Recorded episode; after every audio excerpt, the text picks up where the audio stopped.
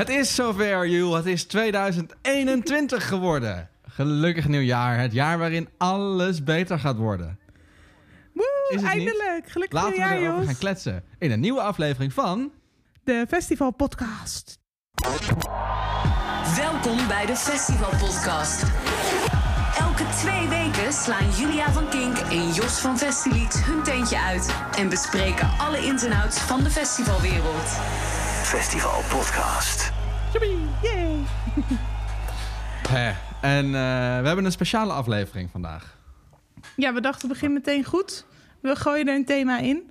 Eh, en dat komt omdat we dat anders ook hadden gedaan als, eh, als er geen eh, pandemic was geweest waar we het verder niet over gaan hebben, als het kan.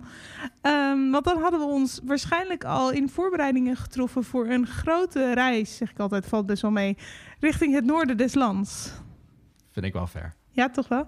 Richting Groningen. Voor Eurosonic Noorderslag. Dus we dachten, eh, het is niet anders dan terecht... dan dat we net als andere jaren gewoon een beetje voorpret hebben... op eh, ook dit jaar de editie van Eurosonic Noorderslag... wat wel iets anders is dan, eh, dan normale jaren. Maar goed, we gaan er toch even bij stilstaan. Dus dat straks allemaal. Precies. En het is dit jaar eigenlijk leuker dan ooit. Omdat jij er ook bij kan zijn zonder dat je... Jij, luister, luisteraar. eh, zonder dat je naar Groningen hoeft. Maar goed, daar gaan we het zo meteen wel uitgebreid over hebben. Ja, want eerst daarom is Eurosonic- zijn er nog actualiteiten, Jos? Ja, er zijn ontzettend veel actualiteiten. Wacht, ik zet even een muziekje erbij aan. aan. Vers van de Festilied Pers. Het festivalnieuws. Ehm, nou, ik wil het graag eerst even hebben over oud en nieuw. Dat is niet zo lang geleden nog. Eh, maar er waren een paar leuke festivaldingetjes... Waar ik, waar, nou, wat ik wel de moeite van het uitlichten waard vind. Eh, heb je er iets van meegekregen? Ehm, ik zit even te kijken. En nee, nee, eigenlijk niet. Er waren, er waren twee eigenlijk grote initiatieven. Je had eh, het, het Goodbye 2020 Festival. Eh, met allerlei, allerlei eh, acts, jeugdtegenwoordig, want er Douwbob. Het ging alle kanten op, van, eh, van techno naar, naar, naar indie. Ja, en, ik zie het et nu. Ja, ik heb er misschien wel wat van bijgekregen, maar ik dacht dat het over de Arena Show ging. Maar daar gaat het niet over. Nee, nee, dat was weer dat was op televisie en Ja. zo. Het Nationaal Aftelmonument. Wat een belachelijke vertoning was. Ehm, nee, dat was er. Maar ik, da- daar heb ik zelf eigenlijk niet naar gekeken. Maar waar ik wel veel stukjes van heb gezien... en waar ik het ook eigenlijk over wil hebben... is Tomorrowland. Nou is dat normaal niet per se een festival... wat wij heel vaak behandelen in deze, in deze snobistische podcast. Ja, hoezo eigenlijk niet? Maar ja, omdat, omdat wij er allebei niet zo heel Ah. erg van houden.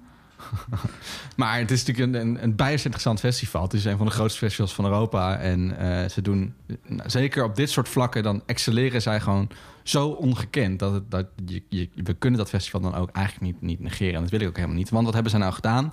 Ze hadden een groot nieuwjaars, eh, oudjaarsfestival. Dat heette Tomorrowland 31-12-2020, de datum. En dan kocht je een kaartje voor. En dan kreeg je niet een soort van een brakke livestream met eh, DJ's in hun eh, eigen woonkamer of op hun zolder. Dat kreeg je niet. Maar ze hadden een soort digitale 3D-wereld gecreëerd. Echt fucking bizar. Waar, je, waar, je, waar je verschillende areas kon je, kon je naartoe. En als je, dit is moeilijk met woorden, je moet het eigenlijk echt gaan zien. Als je dan naar die sets keek. Nou, het- leek net alsof zij in een soort magische sprookjeswereld zonder die DJ's. Met duizenden mensen publiek. Met gigantische lichteffecten, met, met confetti, vuurwerk. Eh, die mensen zongen ook mee. Dus het was allemaal, zeg maar, eh, digitaal. Het was natuurlijk niet echt. maar, het wel net echt. Zo, maar echt net echt. Het zag er zo goed uit en zo gedetailleerd.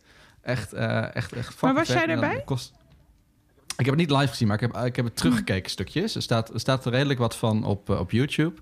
Eh, en je kan trouwens ook nog een on-demand pas kopen, nog een paar dagen. Dan kun je de echte sets helemaal terugkijken. Martin Garrix stond er, Charlotte de Wit, Joris Voorn met. Eh, eigenlijk de hele, de hele relevante DJ-wereld, zoals altijd op Tomorrowland. Maar dat was echt een next level livestream. Als je het hebt over alternatieven voor een festival, dan is dit echt het beste, denk ik, dat we tot nu toe hebben gezien. Hm, Oké, dus de moeite waard om even te checken, mocht je een beetje die festival FOMO hebben. Ja, YouTube dat even. Tomorrowland eh, 31 2020. Er staat een filmpje van Martin Garrix online bijvoorbeeld. Gewoon een clipje. Nou, dan, zie je, dan, snap, je, dan snap je het idee. Dat is gewoon... Ik ga nu een aantekening maken dat we een link in de show notes zetten. Dat we die mee kunnen nemen. Leuk. Is goed. Ehm, ik heb het zelf niet live gezien, maar eh, een van onze collega's wel. Eh, Met Festivals doen we natuurlijk verslag van festivals. En nou, daar was Tomorrowland er ook weer eentje van.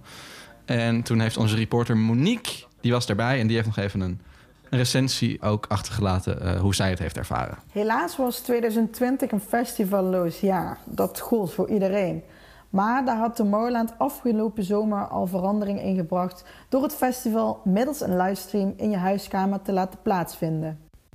Zo ook met Oudejaarsavond werd er een van de vetste digitale spektakels ooit neergezet.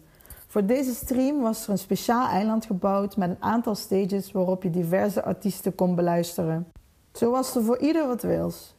Armin van Buren, Major Lazer, Charlotte de Witte, Kulsch en Joris Voren.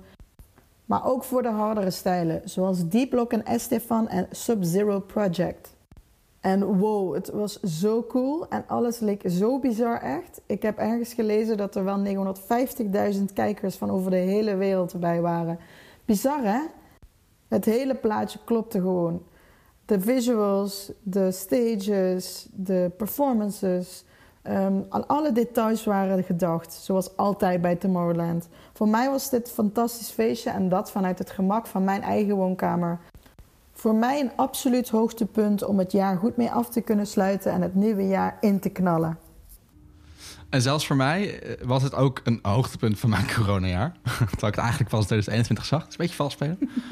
maar eh, nee, ja, echt, echt mega. Ja, ga dat, eh, ga dat, check, kijk dat eventjes. Ook als het niet je muziek is. Er staat trouwens ook een korte behind the scenes op YouTube.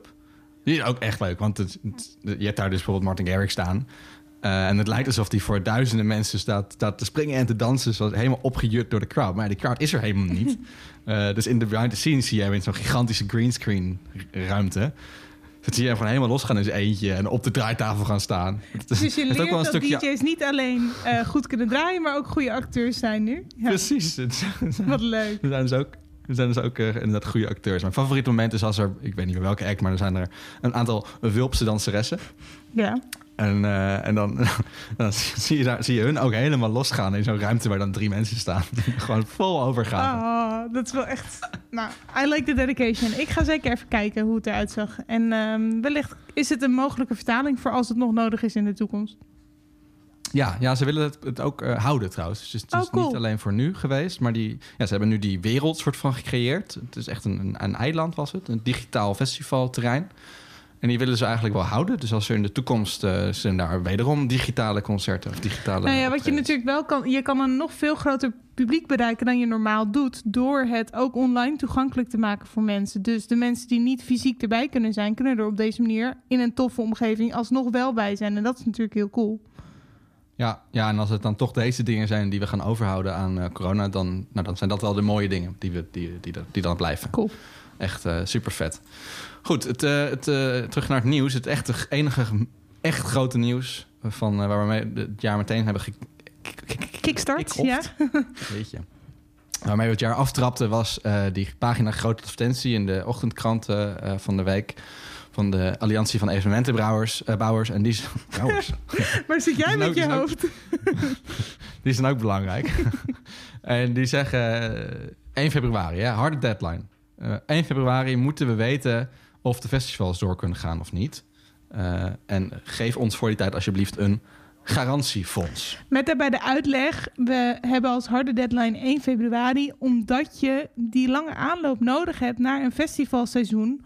om het voor te bereiden. Want dat is misschien voor, nou ja, voor iemand als ik, een leek... als ik niet weet eh, hoe dat in elkaar zit, denk ik... ja, wij lopen nu al moeilijk over te doen. Ik bedoel, de pepernoten zijn net de winkel uit. Het is nog lang geen festivalseizoen.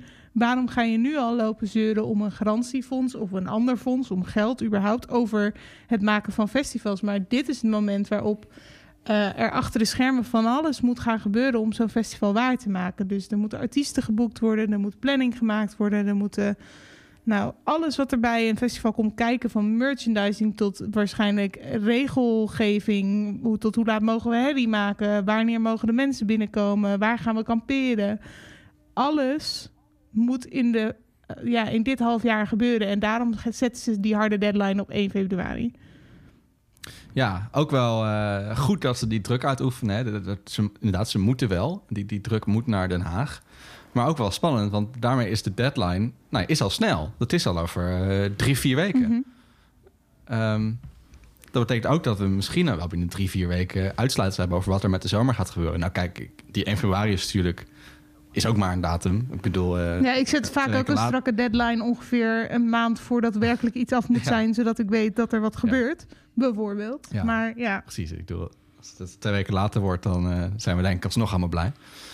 Maar nou ja, toch spannend. Dat, dat, we zitten dus nu al echt, eh, begin van het jaar, nu al, we zitten nu echt in, in, in, in, in, het moment waarop het moet gaan gebeuren. We weten al snel eh, hoe de zomer er een beetje uit gaat zien. En ik kan me voorstellen dat als dit uitblijft, dat als deze steun uitblijft, dat we echt al wel over eh, eh, nou, maximaal twee maanden de festivals beginnen te cancelen. Ja, je zegt wel dat we bijna al gaan weten hoe het eruit ziet. Ik denk dat het wel, maar goed, dat is misschien mijn ervaring met de Nederlandse politiek ook, dat het misschien toch wel wat langer muddy gaat blijven. Want ehm, of ze, ik weet niet of ze inderdaad, wat jij ook zegt, of ze letterlijk op 1 februari met de uitsluitsel kunnen komen. Dus het zou nog wat langer door kunnen, kunnen kabbelen, voort kunnen kabbelen. Maar eh, het zou natuurlijk ook zo kunnen zijn dat ze wel op een gegeven moment een bepaald fonds creëren, maar misschien niet precies zoals de Alliantie van Evenementenbouwers dat wil. Of dat ze wel met iets komen, maar dat er dan vervolgens ge- gekeken moet worden naar: oké, nu hebben we een garantiefonds, maar ehm, het idee is bijvoorbeeld in Nederland dat er tot aan eind september mensen gevaccineerd worden. Dus kunnen we dan überhaupt wel alsnog een festival doen? Of moet je dan massaal gaan testen? Hoe gaat dat dan een vorm krijgen? En kun je het voor die kosten opdraaien? Want ook die veranderingen zullen eh, veel kosten met zich meebrengen. Dus. Of het zo zwart-wit is, Nou weet ik niet. Nee, daar, daar, heb je, daar heb je zeker gelijk in. In ieder geval wat het in ieder geval schetst is dat we niet nog zeg maar vijf maanden. Het voelt nog ver weg die zomer. Ja, dat er ja. nog een hoop dat er nog een hoop kan gebeuren. Dat we tegen die tijd wel kunnen zien of zo. En dat is natuurlijk niet zo. Het, het moet echt nu gaan gebeuren. Ja, Eh, je, er zijn er, eh, we hebben nu al de eerste voorbeelden van festivals waarvoor het al te laat is gekomen. Ehm, Roadburn is, is afgelast. ja. Had, normaal, had normaal in april plaats moeten vinden. Nou, die valt om. En kijk, ja, ik vroeg me af, hebben we al iets van Paaspop gehoord? Nee, maar goed, dat, ja. Ja. met alle, dat, dat zien we natuurlijk al niet. in- Ik denk dat weinig mensen dat roodskleurig in zullen Ja. zien. Ehm, Ik flash, ik flash even back naar de aflevering vorig jaar... waarbij we nog heel hoopvol ervan uitgingen dat Paaspop doorging... en dat corona eh, een Chinese nachtmerrie zou blijven. Goed. ja, maar met de kennis van nu. En eh, het, is ook, het is ook bizar. We hebben het gewoon nu voor het tweede jaar op rij over deze onderwerpen. Ja. Terwijl vorig jaar was het natuurlijk helemaal... Oh, oké. Dus dat hadden we eindelijk geaccepteerd dat het zo was. Maar in ieder geval volgend jaar wel weer. En nu zitten we gewoon ja, weer in dezelfde, in dezelfde discussie. Hoewel wel een stuk eerder. Dat scheelt wel denk ik een hoop voor de eventuele alternatieven. Want ik denk, ik, ik weet, er, er wordt gewoon ontzettend veel eh, gesproken over alternatieven. Weet je, juist omdat er nu zoveel meer bekend is, omdat we het misschien ook op veel eerder al wel gaan weten, uitsluitsel, kan er veel meer eh, worden bedacht. Ehm, ik, ik heb volgens mij Erik van Eerdenburg het ho- hebben, ho- eh, horen hebben over meerdere weekenden, eh, lage capaciteiten. Ik weet dat, dat, dat, dat meerdere festivals bezig zijn met kunnen we, wat kunnen we doen om het wel door te laten gaan? Weet je, moeten we het verplaatsen van datum? Moeten we het naar september verplaatsen? Dat heeft Primavera afgelopen jaar geprobeerd. Nou, dat denk, ik denk dat die dat gewoon weer gaan doen. Eh, want toen is het, was het ze in theorie gelukt. Alleen ja, ze hadden, er- ze hadden er niks aan. Nee. Ehm, ja, en ze, nou, dus daarom ben ik wel heel ja, het zet wel druk op de ketel om nu alvast wat vorderingen te maken... en om wat duidelijkheid te krijgen richting de zomer. Het is niet meer alleen maar afwachten, afwachten. Ja, en ik, ik denk ergens... Kijk, we willen natuurlijk dat die festivals doorgaan. Tegelijkertijd ben ik wel sceptisch of dat gaat gebeuren. Zeker de festivals die al in juni moeten plaatsvinden. Ja. De Best Kept Secrets en de Pinkpops. Dat gaat gewoon echt lastig worden als je kijkt naar eh, het, het vaccinatieplan. Dus wanneer... eh, We moeten de winter nog door, hè, Jos? Hou het positief. Nee, ik, ik wilde juist positief, eh, ik wilde een positieve eh, draai eraan geven. Ehm, want ik denk juist dat we, doordat we nu die tijd hebben... en doordat we hopelijk wat sneller uitsluitsel hebben dan vorig jaar... toen kwam dat echt pas in april of zo, dat is laat. Ehm, dat we veel leukere en betere alternatieven gaan zien. Ja, oké. Dat iedereen is volgens mij helemaal... eh, gaat ervoor voor dat er, dat er, iets, dat er iets leuks gaat Dat gebeuren. dat er is, een ja. ja, dat er een festival door, een, een vorm van een festival doorgaat. Nou, en we hebben het al vaker gezegd, zeker in het begin, dat het de meest creatieve branche is en dat soort dingen. Ehm, en dus kijk ik er in, in zekere zin ook wel naar uit. Wat voor mooie dingen er kunnen gaan gebeuren. ehm, op het moment nou ja, dat, die, dat dat zich voor gaat doen, dat die scenario's gaan spelen. En ik denk dat dat veel rooskleuriger is dan vorig jaar, waarin het simpelweg het doorgaan van het festival, niet doorgaan van het festival, ook betekende dat er dus echt niks was. Zo goed als niks was. Eh, en ik denk dat, we, dat dat al een flinke stap wordt ten opzichte van vorig jaar. En uiteraard hoop ik ook nog steeds dat we in augustus toch nog op Lowland staan. Dat zou wel lekker zijn, ja. Ja. Ja, nou ja, laten we inderdaad, we moeten het afwachten. Het is sowieso, het was voor mij ook even uitzoeken wat nou precies het verschil is tussen een garantiefonds en wat zie je voor een Steunfonds. wat ze hiervoor vroegen, toch? Of kregen? Ja, de, de afgelopen jaar was, was, waren er natuurlijk heel veel steunpakketten Ja. hè, voor onder andere de cultuur, maar ook voor andere branches. Dat is een soort van iets dat achteraf komt, of nou, komt wanneer het komt. Wanneer het En echt nodig, nodig is en noodzakelijk is. En een garantiefonds is eerder dus voor je begint aan eh, het voorbereiden van een festival of evenement. Dat je de garantie hebt dat mocht het dus eigenlijk een soort verzekering, maar die ze nu niet meer krijgen. Omdat, eh, nou ja, wat we eerder al behandeld hebben, verzekeringen mooi nooit meer voor hun pandemie zullen dekken. ja. Ja. Waarbij ik me wel afvraag soort- of het dan niet iets is wat altijd terug zou moeten keren. Maar goed, dat is een ander verhaal. Eh, ja, dat is eh, een goede vraag. Inderdaad, een ander verhaal. Goed. Ehm, wellicht ook een onderwerp. Jullie hebben een forum, toch? Op festileaks.com. Wij hebben een geweldig forum. Actief, nog steeds actief. Veel dank daarvoor iedereen die daarop zit. Nou. Moeilijke tijden en nog steeds ontzettend actief forum. Forum.festileaks. Mocht je luisteren en denken, wacht even, ik heb hier meer info over of ik heb een goede brainwave, want ik kan het af en toe even niet meer aan hoeveel informatie daar gaat. Laat het achter in het forum. Dan kunnen we daar even mee chatten en eh, het meelezen ook. Ja, leuk. Leuk. Nou ja, als het iets waard is, er zijn ook best wel veel eh, partijen die gewoon positief zijn. Eh, nou, niet dat ik negatief ben trouwens, dat bedoel ik er helemaal niet mee te zeggen. Ehm, maar bijvoorbeeld Erik van Eerdenburg heeft heel erg gezegd... nou, ik ben gewoon optimistisch dat Lowlands 2021 doorgaat. Ik denk met dezelfde filosofie die ik net zeg. Eh, misschien niet in, in, op dezelfde manier als Lowlands 2019... Mhm. maar er komt wel een Lowlands 2021. Ja, Weet je, er komt iets, een evenement met die naam. goed zo. En eh, nou, als je ook naar de rest van Europa kijkt, is, is er, er is wel wat vertrouwen. Er is weer redelijk wat aangekondigd de afgelopen weken. Zeker begin december ging het best wel los. Lollapalooza in Stockholm. Nou, is natuurlijk een grote, grote festivalbranche. Die hebben gewoon een line-up aangekondigd met Kendrick Lamar en Post Malone en The Killers. Ehm Doer in België heeft een groot deel van de line-up aangekondigd met Stormzy. eh, onder andere. En ja, Roskilde, dat is natuurlijk een van de, de belangrijkste misschien wel in Europa. Eh, die hebben ook weer gewoon aangekondigd. De Strokes zijn erbij, Kendrick Lamar is er weer bij, eh Haim, eh, Big Thief, et cetera, et cetera. Dus ja, er, er, er, ja, er is vertrouwen. Zullen we dan, om dat vertrouwen te vieren, heel even voorpret doen voor Roskilde? Want volgens mij hebben we een mashup. Jee, een mashup Ja. van Roskilde 2021. Let's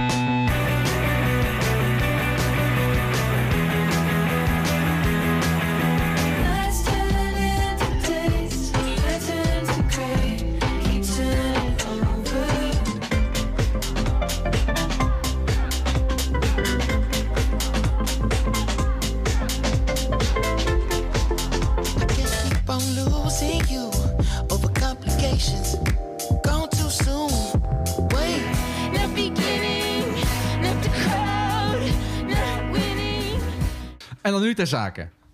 Want we zitten een Eurosonic special te maken. Dus we moeten het ook hebben over Eurosonic Noorderslag. Yes. Hè, wat, eh, wat zijn de dingen waar jij aan denkt... voor de mensen die Eurosonic niet zo goed kennen... als je denkt aan het festival Eurosonic Noorderslag? Hier Sonic Noorderslag. Als ik mee zou doen aan de slimste mens, is een eh, showcase Ja. festival in Groningen aan het begin van het jaar in de winter. Men eet er vaak eierballen. Men ontdekt er, ontdekt er eh, nieuwe artiesten. ehm, die hoge ogen gaan gooien of gooien, nationaal en internationaal. Het eindigt altijd met Noorderslag, eh, de laatste dag waarbij alle Nederlandse artiesten worden uitgelicht. Het is altijd vier dagen uit mijn hoofd. Het begint altijd met de ik wil zeggen de ABBA Awards, maar dat is het tegenwoordig niet meer. Nee, de, de EMA of zo. IME. het goed, met op? een awardshow waarbij elk land een eh, artiest mag inzenden die zij soort van de ster van het jaar vinden. Eh het hoeft niet per se doorbraak te zijn, kan ook zijn doordat ze heel veel plays hebben behaald. ehm, op de een of andere manier. En eh, die winnen dan. eh, dus bijvoorbeeld Dua Lipa heeft een paar jaar geleden gewonnen vanuit Engeland. Ding! Ah, Dua Lipa, ding! nou, heb ik alle Ja, je punten? miste er nog twee. Je miste er nog Oké. twee. Ik was op zoek nog naar eh, de popprijs. Ah, ja. Wordt natuurlijk eh, uitgereikt op Noorderslag. De bierdouche. En, eh, Oh. Ja, de bierdouche. Nee, en eh, de, de kanarie, de kanarie. Zo heet die tent toch? De gele kanarie of zo? Oh, ik denk aan een om, andere tent, ochtends, maar met een gevaarlijke trap. hoe heet Hoe heet die toch? Goed, anyway, dat is ook Eurosonic samengevat. Gevaarlijke trappen in kroegen. En hoe heet het ook alweer? Ja, Ja, Eurosonic is inderdaad normaal het grote showcase festival. In Groningen door de hele stad, nieuwe acts van heel Europa komen daarop af. Eh, het begin van het festivalseizoen zou je het soms kunnen noemen. In ieder geval zie je daar de acts die later in het seizoen een grote rol gaan spelen op de zomerfestivals. Daarom is het ook een grotendeels een industriefestival. Hè, want daar kan de industrie een beetje kijken. die ehm, vinden we tof. nou, wat, past op mijn festival? Ja. Ja, en ook vanuit een mediaperspectief, vanuit hoe wij, wij daar zijn en welke acts gaan we tippen Ja, als ze later op de, op de grote, grote mensenfestivals spelen. ja. Ehm, en dat is het normaal. Maar er, schijnt corona te zijn. Dus is er geen eh Eurosonic naar de slag in Groningen. We kunnen, je kan wel naar Groningen gaan, maar daar vind je nou, zeker een hele mooie stad, maar geen eh, groot festival. Dus wat hebben ze gedaan? Eurosonic Noorderslag 2021 is compleet digitaal. Je kan het online volgen. Het is gratis dit keer. Dat is normaal. Normaal koop je natuurlijk een kaartje. Best wel duur trouwens ook, want omdat het eh, zich richt op eh, een zakelijke doelgroep. Eh, maar dit jaar niks van dat. Ehm, dus dat maakt het extra leuk, vind ik, dit jaar. En ook voor, voor ons en voor deze podcast. Omdat iedereen kan daar gaan naar, naar kijken en, en luisteren. Het is, zo, het is super laagdrempelig. Die optredens van Eurosonic vinden vaak pas in de avond plaats. Omdat overdag eh, zijn de, is het conferentiedeel. Het is ook ja, dat is wel, dat wou ik net zeggen, dat hebben we niet genoemd. Het is eigenlijk eh, het Ja. is het tweedelig. Je hebt het muziekdeel wat vaak in de avond plaatsvindt en met bepaalde shows en dergelijke en ook prijzen. En je hebt het conferentiedeel wat zich heel erg richt op de muziekindustrie, waarbij allerlei interessante lezingen worden gegeven. Eh, maar goed, dat is wat minder interessant voor het publiek wat er echt voor de muziek heen gaat. Ja, klopt. Dus, dus daar gaan wij het ook niet over hebben Nee. vandaag. maar we gaan het wel hebben over die muziek. Want het is juist super leuk dat je zo in januari al een beetje bandjes kan gaan ontdekken. En dat je dan gedurende het jaar die bandjes weer herkent. Van, oh ja, toen op Eurosonic. eh, die heb ik daar gezien of die heb ik daar eh, ontdekt. Eh, en dan weet je al een beetje wat je de rest van het jaar kan gaan verwachten. Nou, dat vindt dit jaar plaats. Volgende week, hoewel podcast mag je geen, mag je geen relatieve data noemen. Hè? Dus het is 13 tot 16 Ik januari. ben blij dat jij de datum hebt. Ja, top. Dan vindt eh Eurosonic plaats. Dus gewoon via de Eurosonic website. Ze hebben dan een, een stream gemaakt. eh, Meerdere, meerdere streams. Het wordt een soort blokkenschema zoals je gewend bent van het festival. En daar, kun je gewoon kiezen op welke stream je inhaakt. En dan zie je wie waar speelt. Al die optredens die zijn wel van tevoren al opgenomen. Dat is niet live live. En dat is dan weer niet te doen qua techniek. En dan ja, zo'n band staat dan in Griekenland. Nou ja, dat is natuurlijk, wordt natuurlijk gegarandeerd ellende als je dat allemaal live probeert te doen. Dus die optredens zijn opgenomen. Sommige op hele mooie locaties ook. Ehm, maar het leukste deel van Eurosonic vind ik altijd vlak daarvoor. Want dan, dan krijg je dus zo'n lijst met zo'n line-up. En dat is dit jaar niet anders dan normaal. Eh, honderden artiesten staan daar.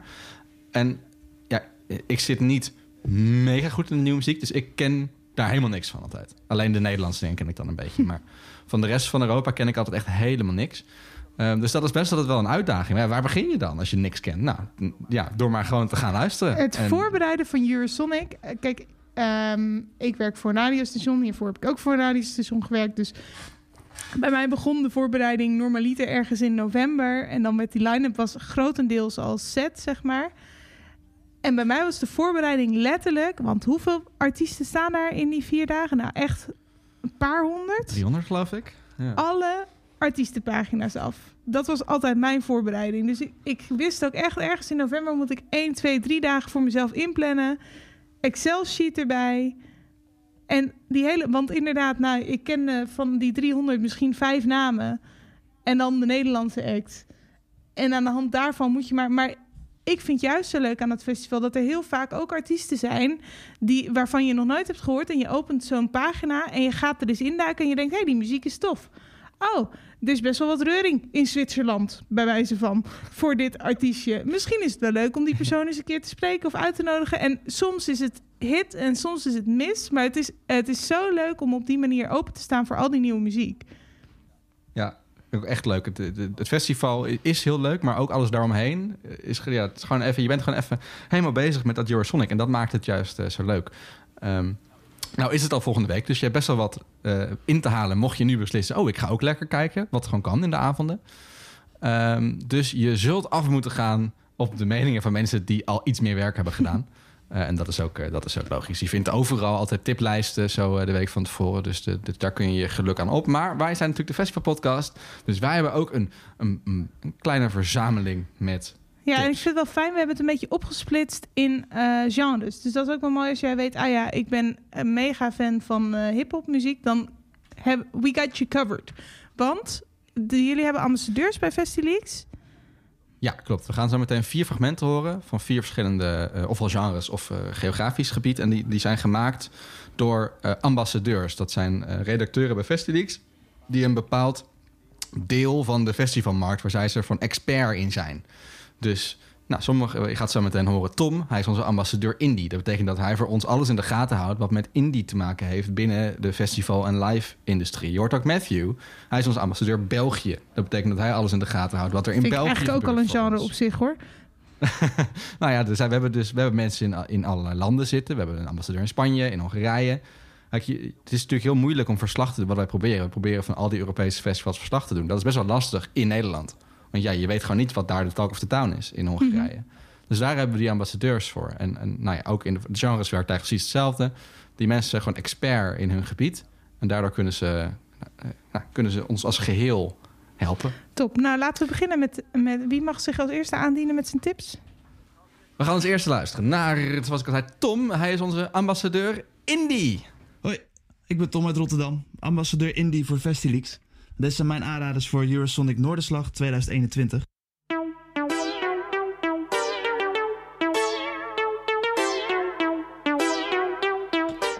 Kijk vooral naar Eefje de Visser en Altin Gun. Die zijn live altijd zo strak, daar zit je echt mee gebakken. Maar ik heb daarnaast wel wat kleinere namen om nog aan te raden. Allereerst Nana Adjoa, oud-bassiste van Sue the Night.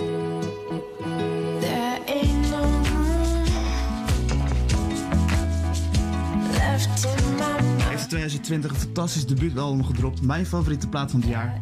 Big Dreaming Ends. Sterke vleugel van Radiohead, Lianne La Havas en veel trip-hop. Echt een aanrader. En daarnaast de heerlijke postpunk van Global Charming uit Amsterdam.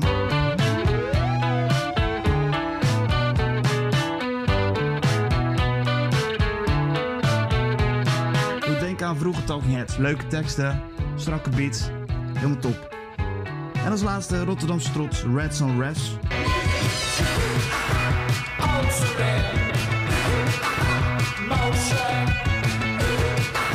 Ook hele goede indie punk new wave, al jaren hard aan het werk. Een derde album komt eraan en dat moet echt wel beloven. Dus veel plezier ermee. Nou ja, ik hoorde eh, Radiohead, ik hoorde Talking Heads, dus ik ben helemaal eh, enthousiast. Eh, hij tipte Altingun, Nana Adjoa, Global Charming en Nou, en een eervolle vermelding voor Rats. Eefje de Visser.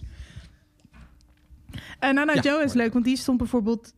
Nou, twee of drie jaar geleden ook al op Eurosonic. Dat is ook het leuke aan het festival. Soms komen artiesten gewoon nog een keer... als het ineens, als ze bijvoorbeeld een debuutplaat uit hebben... of als het ineens wat harder gaat voor bepaalde reden...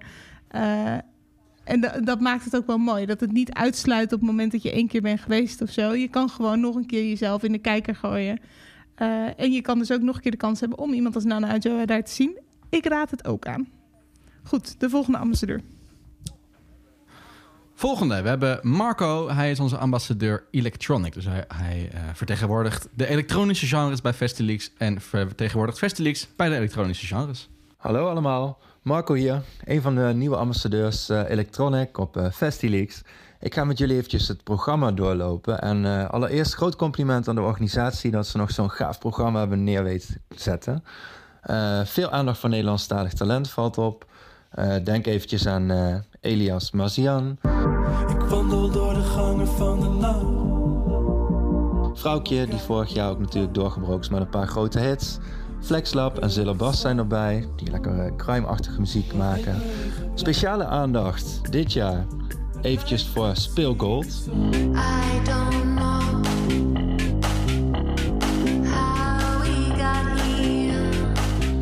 die lopen al wat langer mee, twee Amsterdamse dames. En eh nou, zijn een nieuw project begonnen, een tijdje geleden alweer. Maken fijne psychedelische elektronische muziek met veel spannende synths erbij. Eh schijnen gaaf heel erg de moeite waard te zijn, dus eh, zeker een aanrader. In hetzelfde straatje ook zeker proberen Aria Sappa. Een dame met een heel apart stemgeluid, maar het klinkt heel warm, heel bijzonder. Ja, ook een aanrader. Daarnaast, als je van wat stevigere muziek houdt, zou ik zeker Bratry aan willen raden. Een eh, elektronisch duo uit Tsjechië.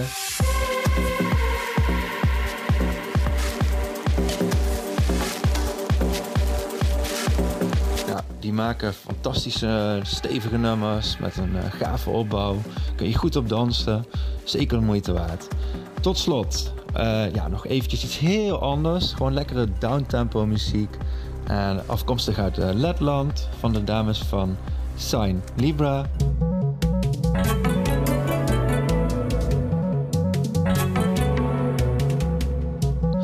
En eh, ja, zeker kun je lekker op weg dromen. Zeker ook eventjes eh, naar luisteren. Goed, heel veel plezier allemaal. Dag.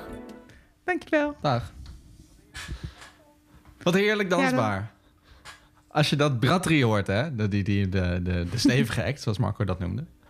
Dan heb je toch zin om in een, in een verguisde kelder te staan met allemaal zweet Een het zweetkelder, het ja. Ik, eh, ik voel hem wel. Ik zag je hoofdje al heen en weer bewegen. We zitten weer op afstand dit op te nemen. Ik zag je hoofdje als een soort van digitale Pac-Man mee te gaan op de muziek.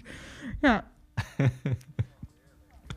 Man, heerlijk, heerlijk. Dansen, dansen door Sonic is ook leuk, want eh, ja, het is natuurlijk, iedereen gaat natuurlijk vanuit huis kijken. Dus ik zie me ook voor me, dit zal dan wel een beetje zo rond twee uur s'nachts uh, geprogrammeerd staan. Dat ik hier ook in mijn woonkamer een beetje om twee uur s'nachts uh, mijn handjes in de lucht op Eh Pixar didn't happen. I will. Goed, nummer drie van vier. We hebben ook nog uh, een ambassadeur hip-hop. Sterker nog, we hebben het best wel veel. Uh, maar we laten aan het woord Ruben over welke hip-hop act je moet zien op Eurosonic Noorderslag 2021. Hey, podcastteam. Ik ben Ruben. Ik ben de ambassadeur hip-hop voor Festilix. En dat doe ik niet alleen. Dat doe ik samen met Amber, Sarah en Thijs. En met z'n vieren hebben wij de line-up van Eurosonic Noorderslag eventjes onder de loep genomen. En dan hebben we vooral gekeken naar de hip-hop artiesten. Welke artiesten vielen nou extra op? Laten we beginnen met een artiest uit Londen. En Londen dat staat vooral bekend vanwege de grime. Dat is een wat rauwer en grimmiger subgenre binnen de hip-hop. En deze artiest, uh, Jeleny Blackman. Hello. I never won no medals, but I done toured the London on pedals when I was heating. Die combineert die rauwe sound met de R&B waar hij vroeger mee is opgegroeid. En dat resulteert in een soort van best of both worlds.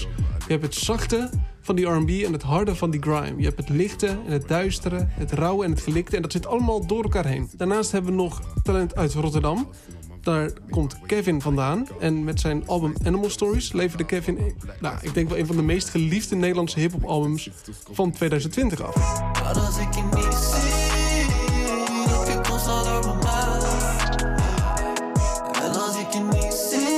De rapper uit Rotterdam die zit al langer op de radar van de gemiddelde hip-hop liefhebber. Maar een mainstream doorbraak, die zit er nu ook aan te komen wat ons betreft. Dan blijven we nog eventjes bij het Nederlandse talent. Want uit Amsterdam hebben we Rimon. Nou, dat is er echt eentje voor de fans van Georgia Smith.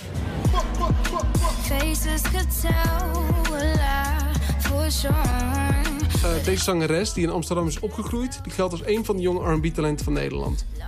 En als hip-hop-ambassadeurs, nou, zijn wij niet vies van een beetje R&B. En er zijn natuurlijk nog veel meer talenten om te ontdekken op Eurosonic Noorderslag. Ze hebben echt weer een hele goede lading hip-hop talent afgeleverd. Uh, dus, maar ja, we moesten een keuze maken. En dit zijn de artiesten die wij echt zouden aanraden. Dankjewel, Yeah. Ruben. Inderdaad. Goed talent. Eh, ik ga het checken. Tot slot, ons favoriete genre. Ja, nou, het België. is wel zo. Het is wel een van mijn favoriete muziekgenres, Belgische muziek.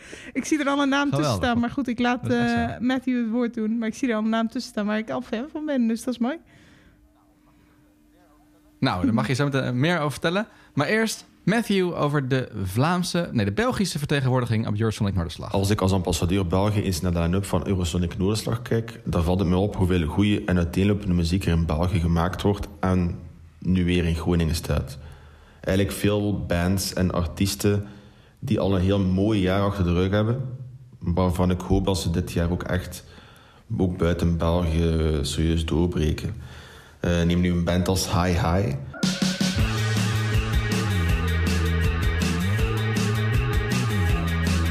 Die bestaan eigenlijk al sinds 2014, maar die zijn vorig jaar echt ontploft met een tweede album Firepool. En ik kan die eh, van harte aanraden voor fans van eh, jaren 80 dingen zoals The Cure of Human League. Maar ook zij die de energie van Arcade Fire eh, heel tof vinden. Ehm, ja, echt een heel, eh, heel goede band vind ik. Ook Mesker en Mees is eigenlijk al een vrij gevestigde naam in België. There was a man not long ago. He was nice but kinda slow. Was long, his name was Joe. Vorig jaar had ze zelfs al een hitje met het nummer Joe. En toen moesten ze Humo's Rock Rally nog winnen. Eh, en dat is helemaal terecht, want eh, die heeft zo'n mooi, vet, eh hees stemgeluid. dat ze eigenlijk elk nummer puur met haar stem kan dragen. Meer dan een akoestisch gitaartje als, als aanvulling heeft hij soms niet nodig om te blijven boeien. En dan is er nog Loes en de Yakuza, een R&B-artieste uit Brussel. Vivre me hante, tout ce qui m'entoure m'a rendu méchante. Si je rate, je recommence. Quand je suis triste, je chante. Ne jamais tout donner de moi. Die met Gore, wat mij betreft, de beste Belgische plaat maakte in 2020. Haar muziek klinkt heel zelfzeker. En doet mij soms een beetje denken aan eh, wat Stromae zou maken, maar dan een heel erg laid-back eh, bui. En dat bedoel ik echt als compliment. Um, Loes en Yakuza schopten trouwens ook al tot bij Jimmy Fallon in de Tonight Show. En dit als Belg ooit. Maar eh, echt doorbreken in het buitenland heeft ze nog niet gedaan.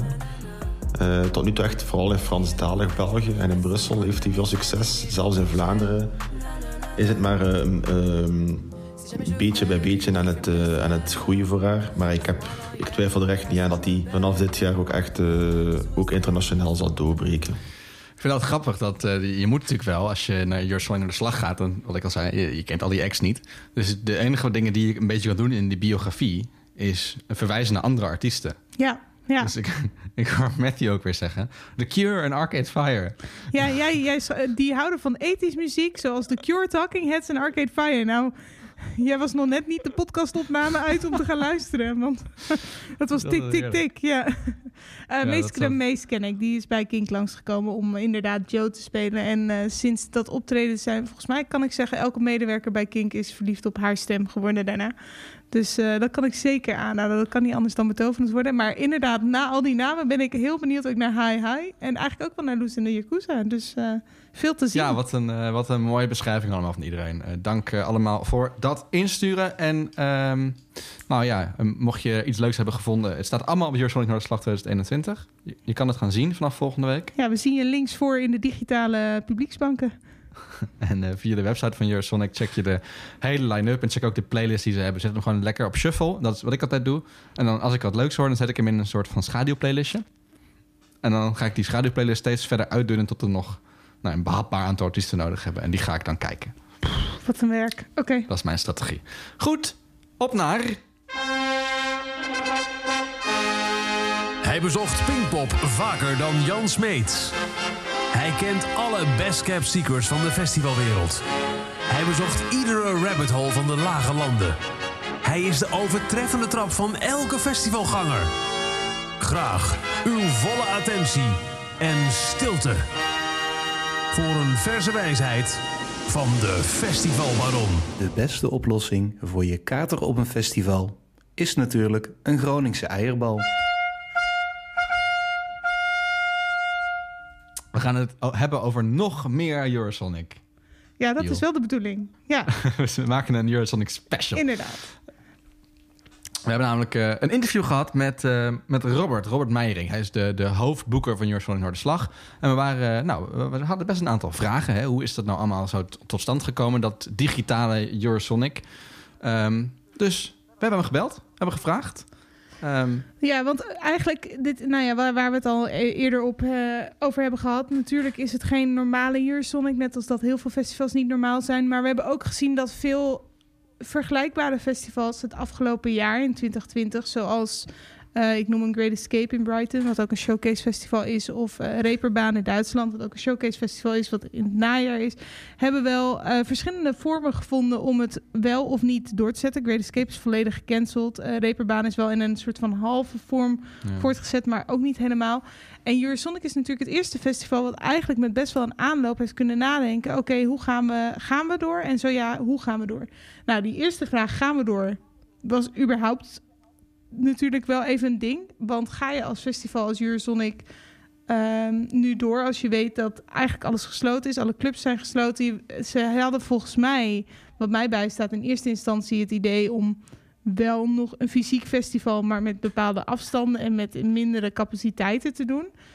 Ehm, dus, dus ja, dat is het grootste vraagstuk. Was annuleren ooit een optie eigenlijk? Of was het een verplichting? Nou ja, wij hebben begrepen dat dat zeker wel bijna een verplichting was, want er was geen overheidssteun. Dat was in eerste instantie natuurlijk best wel een ding. Uh, en reeks cultuurinstituten zouden in aanmerking komen voor financiële steun, de zogenaamde basisinfrastructuur, BIS. Uh, maar hier stond ik Noorderslag viel in eerste instantie buiten de boot. Maar na wat uh, ophef daarover, laten we het zo noemen, vanuit de industrie... Uh, werd het belang van het festival ook in Den Haag gelukkig erkend en kregen ze dus die steun. En op die manier was het van oké, nu kunnen we ook echt gaan kijken naar hoe we deze editie kunnen gaan vullen. Um, en dat vertelde Robert Meijerink wat korter dan ik waarschijnlijk. Gelukkig is dat met de sisser afgelopen. Uh, zijn we via een omweg toch uh, de komende vier jaar geholpen, wat heel prettig is. We werden altijd geholpen door het Fonds voor Podiumkunsten. Die kunnen, doordat wij nu op een andere manier worden geholpen, kunnen zij weer andere organisaties uh, uh, helpen. en ik denk dat Eurosonic Noorderslag, ondanks de 35 jaar bestaan, toch een belangrijke hoeksteen is van de popmuziek in Nederland. Een bouwsteen kan ik beter zeggen. En ik denk dat niet alleen de kans, maar ook de verplichting rust op het gegeven dat dat we nog altijd met z'n allen moeten strijden om popmuziek serieus te nemen. Dat gaat niet zozeer over Eurosonic Noordslag, maar dat gaat wel over de popsector in het algemeen, denk ik. Waar veel podia, festivals, muzikanten uh, deel van uitmaken. Ik denk dat, uh, ja, dat, dat, dat dat huiswerk is, dat dat een aandachtspunt is en blijft. Dat is inderdaad zeker wel een moreel ding van we willen ze hoop bieden. We willen ook perspectief bieden middels muziek. feitelijk, feitelijk kan, dat, kan er alleen maar echt een hoop worden geboden vanuit Den Haag, denk ik. Er zijn wat podia gelukkig geholpen en festivals en boekingskantoren uh, en natuurlijk andere partijen met, uh, met, met steun. Maar ja, het ziet er gewoon niet heel rooskleurig uit. Ik denk dat we heel realistisch moeten blijven kijken en, en opereren in 2021. Er is ook weer nieuwe steun nodig. de toekomst van de muzieksector in het algemeen het, het ging heel goed. Die cijfers liegen niet. Het is natuurlijk super pijnlijk om te zien dat dat, dat, dat een soort vrije val maakt. Dat heel veel mensen ja, zich laten omscholen of iets anders moeten gaan doen. Omdat hun werkgever de salarissen niet meer kunnen betalen. Ik, ik ben elke dag blij dat ik programmeur ben. En ik, ik, ik, ja, ik ken gelukkig heel veel mensen in dezelfde sector om me heen die dat ook hebben. Maar de realiteit is natuurlijk ook dat heel veel ontslagen zijn gevallen ja, wij proberen gewoon ook, uh, zeker met dat er weer een beetje licht is aan het einde van de tunnel, dat er, dat er misschien weer wat perspectief is op uh, hopelijk weer een festival in 2021. We willen muziek laten klinken. En dat is iets wat we met Eurosonic Noordslag ook absoluut op nummer 1 hebben gezet. En dus gaat het festival in digitale vorm toch door? Ja, en dan komt dus eigenlijk de eerste vraag bij mij boven, misschien ook wel bij jou. Oké, okay, um, maar hoe dan? Dus wat is dan je aanloop? Dat is misschien ook wat andere festivals zich nu gaan bedenken. Maar dit is wat Sonic al eerder heeft moeten bedenken. Want normaliter met de Showcase Festival ligt bijna de druk op jouw schouders om de grootste talenten te vinden. En normaal gesproken zijn er een aantal manieren waarop je als artiest zeg maar, op Sonic geboekt wordt. Of een artiest uh, schrijft zich in om op Eurosonic te spelen. Uh, bijvoorbeeld in de editie voor 2020 waren dat er eh, 4000 geloof ik.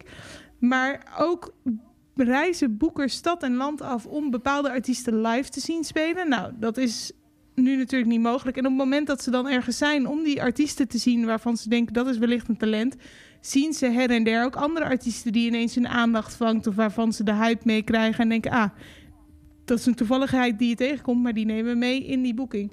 En dan wordt er daarnaast nog gekeken bij een artiest, bij een talent, bij een band, noem maar op. Uh, naar de ambities en de skills. Dus is, het, is de act qua show en zakelijk en op allerlei niveaus ook klaar voor die internationale aandacht en dat internationale publiek. Dat is eigenlijk normaliter waar ze bij Sonic achter de schermen naar kijken voor ze artiesten boeken. Passen al deze artiesten in dit plaatje? En dit jaar is dat natuurlijk heel anders, want je kan niet zoals altijd uh, die voorbereiding treffen. Je kan ook niet naar andere showcase festivals om te kijken wat daar staat en wat daar scoort. Um, dus de vraag is, hoe doet Jursonic dat dan dit jaar in aanloop naar deze editie? Robert, vertel het ons. Scenario A was een, een COVID-proof festival, zoals er ook eh, COVID-proof concerten werden georganiseerd in de poppodia in Nederland.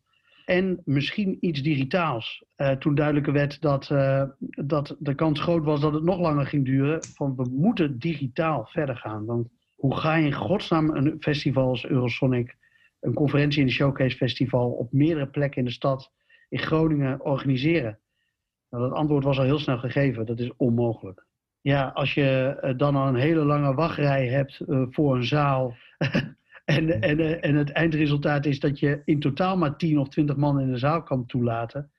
Dan zal dat voor ongelooflijk veel frustratie en irritatie zorgen. En dat is het laatste wat wij willen. Dus eigenlijk optie 2 werd heel snel realiteit van eh, we moeten en we willen ook een digitaal evenement organiseren.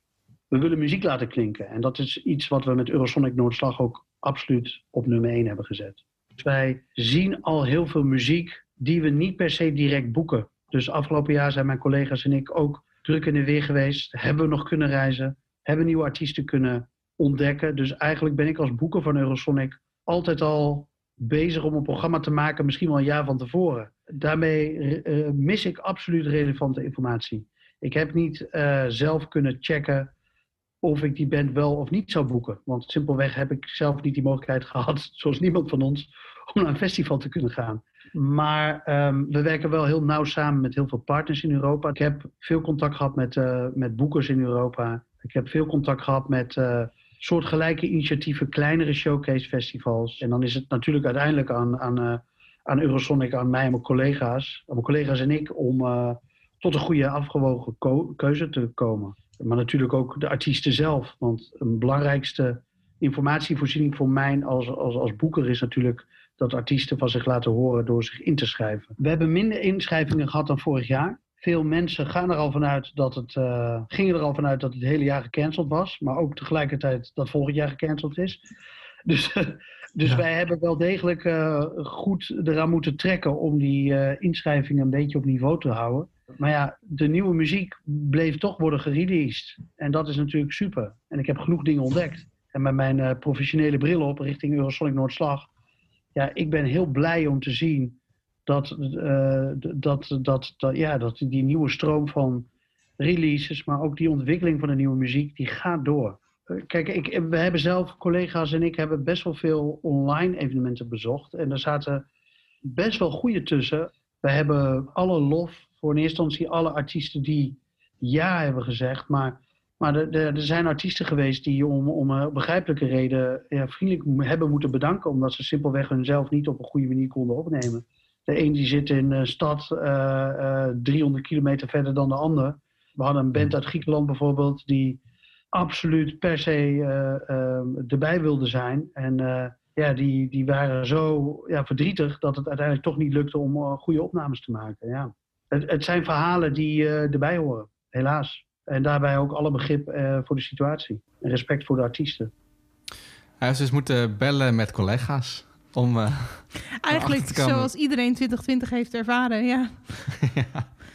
Om eh, nou ja, dan vertrouwen op de collega's dat, dat, dat die acts dus, eh, dus goed genoeg zijn die, die, die zij zelf niet hebben gezien. En wel interessant om, ehm, om te horen wat hij zegt. Hè, dat sommige artiesten hebben moeten cancelen... omdat ze gewoon niet op een bepaald niveau een opname konden aanleveren.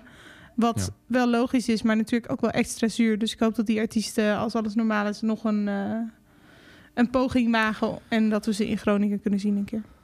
Ja, en natuurlijk ook echt niet gek als je echt een kleine artiest bent. Want dan heb je gewoon die gear niet. Nee, en, daarom. Of, eh, en ook niet de financiële middelen om dat even, of even een studiootje te huren en wat er altijd allemaal bij komt. Ja, ja dus Aan, dat zijn eh, de beeld- kleine artiesten die het wel gunt om die exposure te krijgen. Dus eh, hopelijk dat ze dat alsnog... Ik ben heel benieuwd hoe het er allemaal uit gaat zien. Ik kan me voorstellen dat sowieso de een kwaliteit beter is dan de ander. En dat het ook wel echt uit gaat maken voor de beleving van die artiesten. Ja. Dus dat is ook echt Ja. wel een andere, andere manier van Eurosonicen. Ik ben heel benieuwd inderdaad wat er allemaal eh, neergezet wordt. Ja. Oh. We gaan het meemaken. Oké. Ja, tijd nog voor een beetje muziek op het laatst. De Festival Podcast. Ja, en, een, en een stukje FOMO. Want ehm, nou, dat hebben we ook wel vaker gedaan. Het is gewoon leuk om even terug te blikken naar edities eh, waar wel live muziek was waar je gewoon bij kon zijn. Dat is natuurlijk ook wel leuk. Eurosonic is natuurlijk zo interessant omdat je er nieuwe artiesten kan ontdekken. En eens in de zoveel tijd, best wel vaak, eh, is het een interessante springplank voor artiesten die nationaal of internationaal gewoon doorbreken. Heel kort door de bocht. Ehm, dat een artiest op Eurosonic zo'n indruk maakt op boekers en op publiek en op recensenten en noem maar op, dat ineens die zomer eh, een artiest een gigantische sprong heeft gemaakt en op allerlei grote festivals staat, soms zelfs op grote podia. Eh, en het leukste is, we hebben een mashup van een aantal artiesten die dus op Eurosonic stonden en de zomer daarna echt gigantisch doorbraken. I'll be riding shotgun underneath the hot sun, feeling like a someone.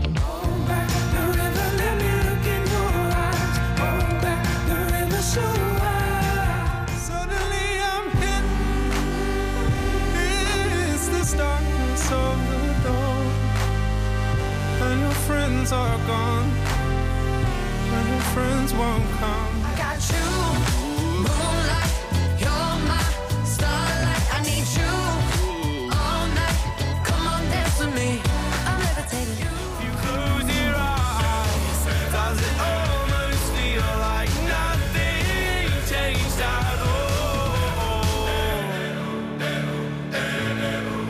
We hoorden onder andere James Blake, Dua Lipa, George Ezra, James Bay en op het laatst Bastille. Ja. Oh, ik word zo vrolijk van dit soort mashups. Heerlijk hè?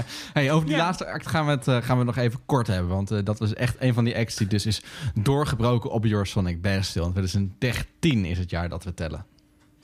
Ja, dus eh, hoe zag de carrière van Bastille eruit tot Eurosonic? Ehm, de band rondom zanger Dan, dan Smith, zanger Dan Smith, eh, speelde in 2013 op Eurosonic. Dat was hun eerste show van dat jaar, wat ook wel logisch is, want het is dus altijd in januari. Eh, tot dat moment hadden ze eh, hun debuut-EP Laura Palmer uit en een paar mixtapes met covers, vooral van 90s classics. En het succes van die EP zorgde ervoor dat ze in december 2012, dus echt vlak voor Eurosonic, werden getekend door Virgin Records. Ehm, hun doorbraakhit Pompeii werd op 11 januari uitgebracht. Nou weet ik niet exact de datum van Eurosonic Noorderslag 2013, maar het zal vlak voor Eurosonic zijn geweest. En hun show op Eurosonic was dus vlak na die deal met Virgin Records en vlak, ah, vlak voor het uitbrengen van hun doorbraakhit. Chips. Nou, daar staat het, hè. Volgen we hem nog? Het is dus eigenlijk een doorbraakshow geweest. Ze zijn heel, heel groot getekend bij een label wat wel internationaal aangeschreven staat. En eh, ze spelen een gigantisch goede show, gaan we zo vertellen. En daarna kwamen ze met een single die eigenlijk een doorbraakhit werd. Ehm, dan kun je het hebben eigenlijk over een doorbraakshow, vind ik. Ehm, en dat was dus de show die ze speelden op Eurosonic in Groningen. Eh, ze hadden een aantal shows, want dat gebeurt ook wel... dat je op meerdere plekken en meerdere shows wordt eh, geboekt. Ze speelden op Poppodium Vera, maar ook eh, nog kleiner en nog intiemer in Simplon. En de pers was na die show nog een beetje wisselend enthousiast. Ehm, Niks veranderd en dus. de- ja, dat is wel waar. En de hype was nog niet mega aanwezig. Maar we, wij hebben gesproken met een van de bezoekers, Ansje. En zij was aanwezig bij de show in Simplon. Dus echt die kleine show. En het is eigenlijk heel bijzonder. Want vlak voordat die band dus echt best wel gigantisch populair werd... stond zij met een, eigenlijk een handjevol mensen te kijken naar een show van een band... die later gewoon echt nou volle zalen trekt. mixtape albums with some slightly obscure covers from the 90s.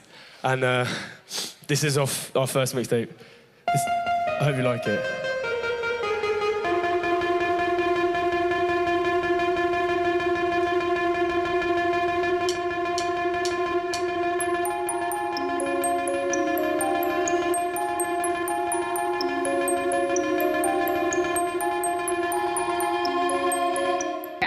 Mooie aan Eurosonic is natuurlijk ook dat, dat er heel veel beginnende bands zijn. Of het is heel erg een combinatie van, van artiesten die nog helemaal niet doorgebroken zijn. En een aantal die juist al met een tweede plaat of zo komen. Die dan in de stad zijn. En eh, ja, echt, echt een ontdekkingsfestival. Bandjes die je anders nooit zou zien. Waar, je nu echt totaal door verrast wordt. eh, dat, ja, dat vond ik echt superleuk. You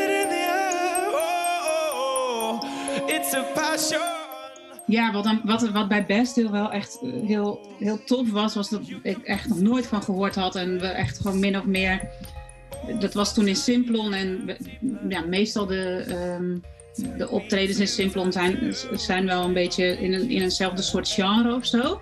Dus, dus ehm, dat je gewoon naar binnen loopt van nou, even kijken wat het is. En, en eh, er wa- waren echt, het was echt een, een handjevol mensen. Echt in mijn herinnering waren het er misschien twintig. Nou, waarschijnlijk waren het er wel wat meer. Maar het is, het is heel intiem. Het podium in Simplon, eh, ik weet niet of je het kent, maar het is heel, ehm, heel dicht bij het publiek eigenlijk. Ik denk dat er ook helemaal, ja, misschien waren er wel barriers, dat weet ik niet. Nee, ik denk het niet.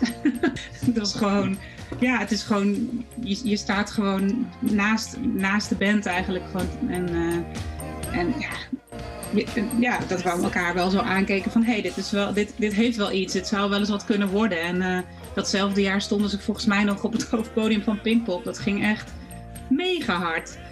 Dat, dat is wel heel bijzonder, dat je dan later terugkijkt en denkt, jeetje, wij waren daar gewoon bij. Maar je voelde dat ook wel. Er was wel een soort van, ja, tinteling van, oh, dit, is, dit, is wel, dit, dit heeft wel wat of zo. Het was totaal niet gehyped juist. Dat, eh, ehm, en maar achteraf ging dat denk ik wel heel snel. Ze zijn wel heel snel opgepikt eh, door heel veel festivals. En dan, en dan gaat het heel hard natuurlijk. En dat is wel wat er ook gebeurt bij Eurosonic. Wat je zelf ook al zei. Er, ehm, er komen heel veel boekers. Eh, je, je ziet dat er ook. eh, ehm, dat er heel veel mensen uit de muziekindustrie. die staan dan toch iets, iets meer achteraan. Zo te beschouwen, het allemaal zo te, te aanschouwen. die gaan minder mee in die, in die, in die flow van, van de bezoekers. Die, ehm, die gewoon lekker gaan dansen en, en meegaan met een band. Die zijn wat beschouwender. Maar die, die, die, die zien dat natuurlijk wel gelijk. Van hé, hey, deze moet ik hebben voor mijn festival. Of eh, dit, gaat wel, dit gaat groot worden. Volgens mij ehm, eh, waren wij na dat concert waren we naar een ander concert in de machinefabriek daar vlakbij. En toen kwamen we ze tegen, dus toen hadden we ze gewoon aangesproken van hé, hey, we waren net bij jullie concert, we vonden het heel tof. En, eh, en toen eh, vroegen zij van ja, komen jullie hier vandaan? Kennen jullie de stad? Ehm, eh, hebben jullie nog tips? En toen ja, kwamen we gewoon zo met ze in gesprek. Omdat ze de stad helemaal niet kenden en ze wilden ook gewoon het, het, het, festival beleven. Dus dat is, gewoon heel grappig dat het die laagdrempeligheid dus heeft. Oh yeah.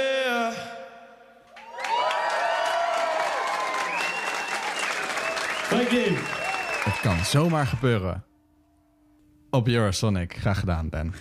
Nou, dat is het wel. Als er ergens een festival is waar je denkt, eh, ik- ah, mocht, het, mocht dat jouw ding zijn, ik wil graag artiesten ontmoeten, dan denk ik dat Eurosonic het festival voor je is. Want eh, ze lopen zo in het wild rond allemaal. De, de, de 2013 Bastille is wel mijn favoriete Bastille. ja, dat snap ik. Toen vond ik zelf. Eh, hoewel ze recent een nummer hebben uitgebracht met de gitarist van Blur. Ja, die was wel leuk inderdaad. Die was wel leuk, Graham. ja. Maar die liedjes van toen met, eh, met Laura Palmer en zo. En, en, ja, ja. Dat was... Pompey en... ehm, Toen, speel- ja. toen speelden ze ook met, eh, met Muse in de arena. Ik heb zo... ja, dat... eh, oh, wat een nostalgie. Ja. Ik heb... ehm, ik zat na te denken, heb jij dat soort shows gezien, Jos? Heb jij een doorbraakshow meegemaakt voor jouw gevoel? Oh, nou nee. Denk ik niet, zou, ik niet zo, eh, zou ik niet zo makkelijk kunnen zeggen. Jij wel? Ja, ik heb zowel Sigrid als Dua Lipa gezien. Ehm, Dua, de Dua. De Dua. Nou, Dua Lipa is wel doorgebroken. Ik weet niet of het een doorbraakshow was. Maar de, de- bij Dua Lipa was er wel echt, echt al een hype omheen. Mhm. Dus je kan niet zeggen... oh ja, ik was degene die super dwars naar een obscuur showtje ging... en ineens daar een popster ontdekte. Dat was natuurlijk niet zo.